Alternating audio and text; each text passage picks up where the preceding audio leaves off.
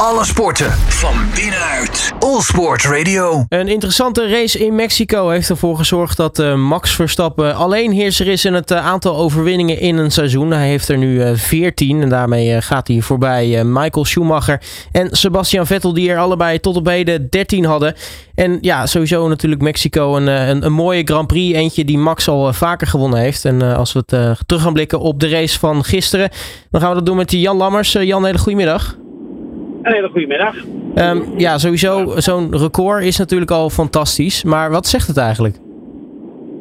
Nou ja, het, uh, het, het, is eigenlijk een, een, uh, een, een, bevestiging die we bijna wekelijks of twee wekelijks krijgen. Dat, uh, dat ze natuurlijk met Max en, en Red Bull super goed bezig zijn. Dus ja, heel, heel indrukwekkend. Ja, nu uh, is uh, Mexico uh, natuurlijk meer de thuis Grand Prix van de teamgenoot van, van Max natuurlijk, hè, Sergio Perez. wat ik heel erg mooi vond het hele weekend door is eigenlijk nou ja, hoeveel herrie die Mexicanen eigenlijk maakten elke keer als hij op de baan was. Ja, ik denk dat, dat uh, alle, alle banden van de auto's zijn uh, versleten, maar de stembanden van de Mexicanen ook, geloof ik. Want uh, dat, dat ging er flink aan toe. Ja, superleuk, superleuk. Hey, het was een interessant weekend. Max moest, vermocht vanaf Pol starten natuurlijk. Um, normaal gesproken is het altijd een lekkere positie. Maar met het hele lange rechte stuk daar in Mexico is het toch altijd een dingetje?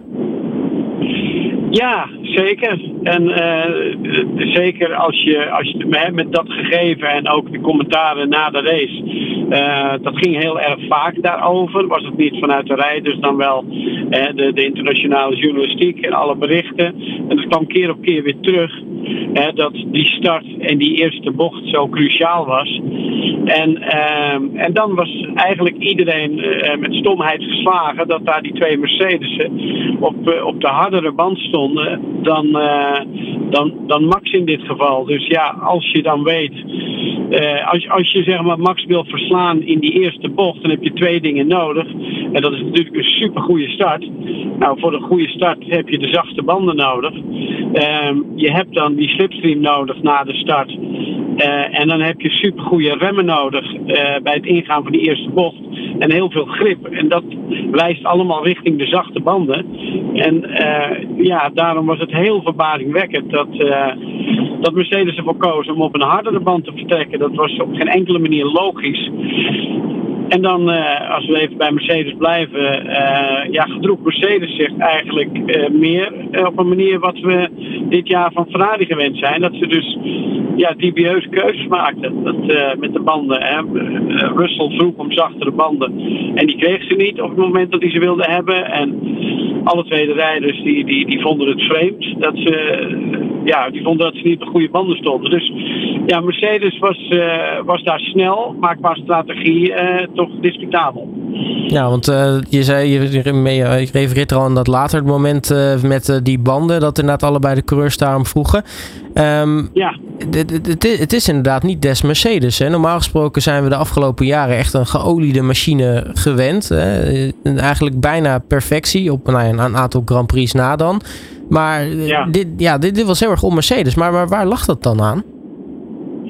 Nou, ik denk dat, dat uh, als we eventjes het, uh, het, hele seizoen bekijken, dan, uh, of als we deze situatie ook even bekijken, dan, dan, dan zien we wel dat uh, waarschijnlijk, omdat ze ja, gedurende het, begin van het jaar wat meer in de luwte zaten, um, en, en, en dan hebben ze misschien ook hier of daar wat verkeerde beslissingen genomen, die vallen niet zo op.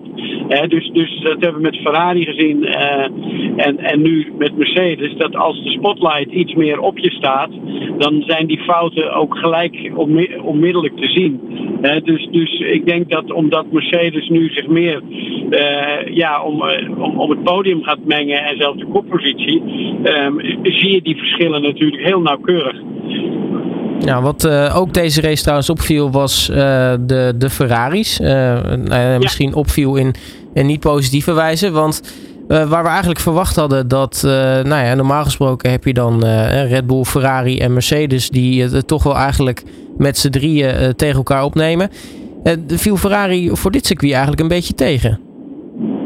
Ja, nou dat is ook een beetje de kentering van het seizoen. Hè? Dat, uh, want als je nu eventjes uh, de, de, de twee uh, Mercedes'en naar achteren haalt, ja, dan, dan worden de Ferraris, wat is het, 3 en 4 als ik me niet vergis.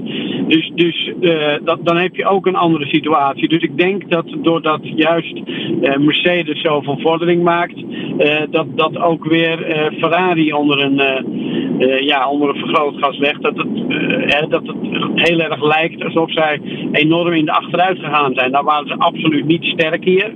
Maar uh, nogmaals, uh, denk de twee Mercedes even weg. Dan worden de Ferraris 3 en 4 achter de Red Bulls. En dan is het eigenlijk een beetje eh, wat logischer. Dus het slechte presteren van Ferrari, dat, dat, dat, dat mag je denk ik meer kenmerken als het goede presteren van Mercedes. Ja, want zo lijkt het erop aan het begin van het seizoen dat Ferrari wel eens een hele grote titelkandidaat kan zijn. En zo is Leclerc niet eens meer tweede in het kampioenschap. En moet Ferrari zelfs achterom kijken, want Mercedes zit in het constructeurskampioenschap niet gek veel ver meer achter Ferrari. Nee, nou ja, goed. Hè. Als, je, als je gewoon in het geval van uh, Leclerc zesde wordt, dan lever je veel punten in ten opzichte van iedereen voor je. Dat, dat zijn stevige klappen.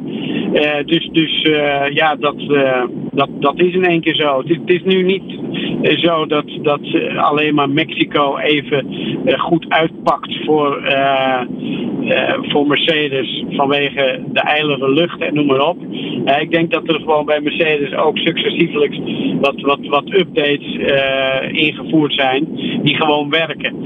dus dus je, je, zag op enig moment dit jaar dat, dat in één keer Mercedes het lek boven had en dat ze in één keer wisten waar ze mee bezig waren. En op het moment dat je dat constateert, dan heb je het van de ene op de andere race natuurlijk ook niet helemaal perfect. dus dan, dan blijf je gewoon met kleine verbeteringen komen. Alleen dat waren wel allemaal stappen in de juiste richting. Dus dat is het fijne als je weet in welke richting je, je fout zat. Dat je onmiddellijk weet welke kant je op moet werken. Dus misschien dat er nog wel meer eh, verbeteringen gaan komen in de komende races. Dus uh, dat Hamilton misschien toch nog zijn ene race gaat winnen. Wat hij de afgelopen jaren natuurlijk altijd wel gedaan heeft. Maar Max gaat, gaat het niet makkelijk maken, denk ik. Nee, dat, dat weet ik ook wel zeker. Uh, dan nog iemand die het bespreken waard is. Daniel Ricciardo had natuurlijk een, een, een beetje een gekke race. Want nou ja, hij, hij rost eigenlijk Yuki Tsunoda uit de race met nou ja, een, een iets te, te gretige inhaalactie. Um, krijgt 10 seconden straf. Daarna gaat zijn kop naar beneden en nou, geeft me toch een partijgas, waardoor hij uiteindelijk gewoon zelfs met die straf nog gewoon zevende wordt. Ja, nou wat hij deed uh, is, is wat iedereen verwachtte dat uh, Russell zou doen. Uh, of zelfs Hamilton. Maar wat ik denk dat er gebeurd is, dat ze met Hamilton na de pitstop eigenlijk tot de conclusie kwamen van misschien hebben we dat wel verkeerd gedaan. en, en, en dat ze dat met Russell nog wel goed hadden kunnen doen. Alleen dan was denk ik Russell Hamilton nog voorbij gegaan. En ja, misschien dat het een klein beetje loyaliteit was naar Hamilton. Uh, om, om, om in ieder geval, uh, toen ze hem op de, de, de, slechte strategie zetten, dat ze ook Russell maar op die slechte strategie zetten. Dus, dus, maar het was, het was merkwaardig, want, want tot, tot een rondje of tien voor de race geloofde Mercedes echt er nog in dat, dat het bij Max in zou gaan storten. En, en dat verbaasde me eigenlijk, want je zou beter van ze verwachten. Ja, dan uh, Alpine, daar is ook iets uh, aan de hand. Uh, in ieder geval bij Fernando Alonso. Hè. derde uitvalbeurt in nu vijf races tijd. weer technische problemen. Dat ziet er toch niet goed uit. Nee, zeker niet. Zeker niet. Nou, het enige wat er goed uitziet voor uh, Alonso is dat er nog maar twee races te gaan zijn uh, met Alpine. En dat hij dan een overstapje maakt. Maar uh, als je ziet naar Aston Martin. En zoals ja, Vettel en Stroll toch van tijd tot tijd presteren. Want Stroll was ook goed onderweg. Alleen kakte het bij Stroll in één keer in toen, toen hij begon te klagen over de banden. Dus, dus maar goed, Alonso nog twee races bij Alpine, dan naar Aston Martin. Ik denk dat dat een hele goede goede timing zou kunnen zijn. Dus uh, ik, ik, ik, denk dat uh, ja, daar, daar nog wel een verrassing in zit voor volgend jaar. Ja, nou ja, Red Bull is uh, natuurlijk nu constructeurskampioen. staan nu 1 en 2 in het, in het Drivers Championship. Met Max natuurlijk al wereldkampioen. En Sergio Perez die nu tweede staat voor Leclerc. het kan met nog twee races te gaan. En misschien een perfect seizoen worden voor, voor Red Bull. Ja, zeker. zeker. En, en uh, dat, dat, uh, dat zal werken worden. Maar uh, ik, ik, ik denk dat dat uh, wel heel realistisch is. Omdat, ja, oké, okay, Perez staat dan derde op het. hij komt nog wel op het podium. Maar ehm, we hebben sterkere races van hem gezien. Dus, dus ik denk dat, dat hij veel beter moet kunnen. En nu ook een beetje die druk van, die, van die Mexicaanse Grand Prix. Want jongens, zeg, wat, wat, wat krijgt hij veel op zijn, op zijn dak daar. Dus ik denk dat hij blij is dat zijn lokale Grand Prix achter de rug is. En dat hij uh, met een wat rustigere gemoedstoestand die laatste twee races kan rijden. Dus, dus nee, die tweede plaats die zie ik hem wel behouden. Ja, Sao Paulo komt er natuurlijk aan, Braziliaanse Grand Prix. Uh, een, Grand Prix waar, waar ja, Max Verstappen normaal gesproken uh, gewoon goed kan presteren. Uh, met nog twee races te gaan, zie jij hem ook de laatste twee winnen en daardoor echt, echt een, ja, een heel bizar record neerzetten? Nou, ik, ik, ik denk gewoon, als je het gewoon even Grand Prix voor Grand Prix bekijkt, dan, dan ja. Hè, dat, hij, hij kan die twee races winnen. Red Bull kan die races winnen. Dus, dus hè, want, want uh, kijk, nu, nu heeft Ferrari aan het begin van het jaar natuurlijk veel, veel fouten gemaakt in strategie en noem maar op. Uh, nu was het Mercedes die er even naast zat. Maar vergis je niet wat ook Red Bull daarvan leert. want, want natuurlijk slimme mensen die, die leren van hun fouten. Maar hele intelligente mensen leren van de fouten van een ander. dus, dus op dit moment, met, met wat er allemaal gebeurt en de fouten die dus ook Mercedes dit weekend gemaakt heeft, dat, dat, zet, dat zet toch Red Bull gek genoeg steeds, steeds scherper. Um, maar ik denk niet meer dat we kunnen spreken van, van een, een Red Bull circuit of een Ferrari circuit of wat dan ook. Het is duidelijk dat de Ferraris niet, niet lekker gingen in Mexico. Maar voor de rest denk ik dat op de laatste twee Grand Prix toch ja, die, die top 6, hè, de Ferrari, Mercedes en, en de Red Bulls, goed aan elkaar gewaagd zullen zijn. en wat je ook wel steeds ziet, dat het echt wel Max is die de doorslag geeft. Uh, en, en, niet alleen de auto. Ja, tot slot, denk jij dat Mercedes nog over Ferrari heen komt dit seizoen? Um, ik denk het wel eigenlijk. Ik denk het wel. Want het is een organisatie die natuurlijk een fantastische staat van dienst heeft. En, en ja, het is, het, is, het is een beetje te vergelijken met een voetbalwedstrijd. Uh, waar uh, toch de club die, die kansloos was en één keer de gelijkmaker maakt. En, en dan, dan heb je de andere partij wel in de wedstrijd laten komen. En, en ik denk dat Mercedes een team is dat als je die gelegenheid geeft, dan, dan nou, ik denk niet dat ze die gelegenheid laten lopen. Maar nogmaals, het is allemaal in de glazen bol kijken. Maar ik, ik zie Mercedes wel die sterkte houden.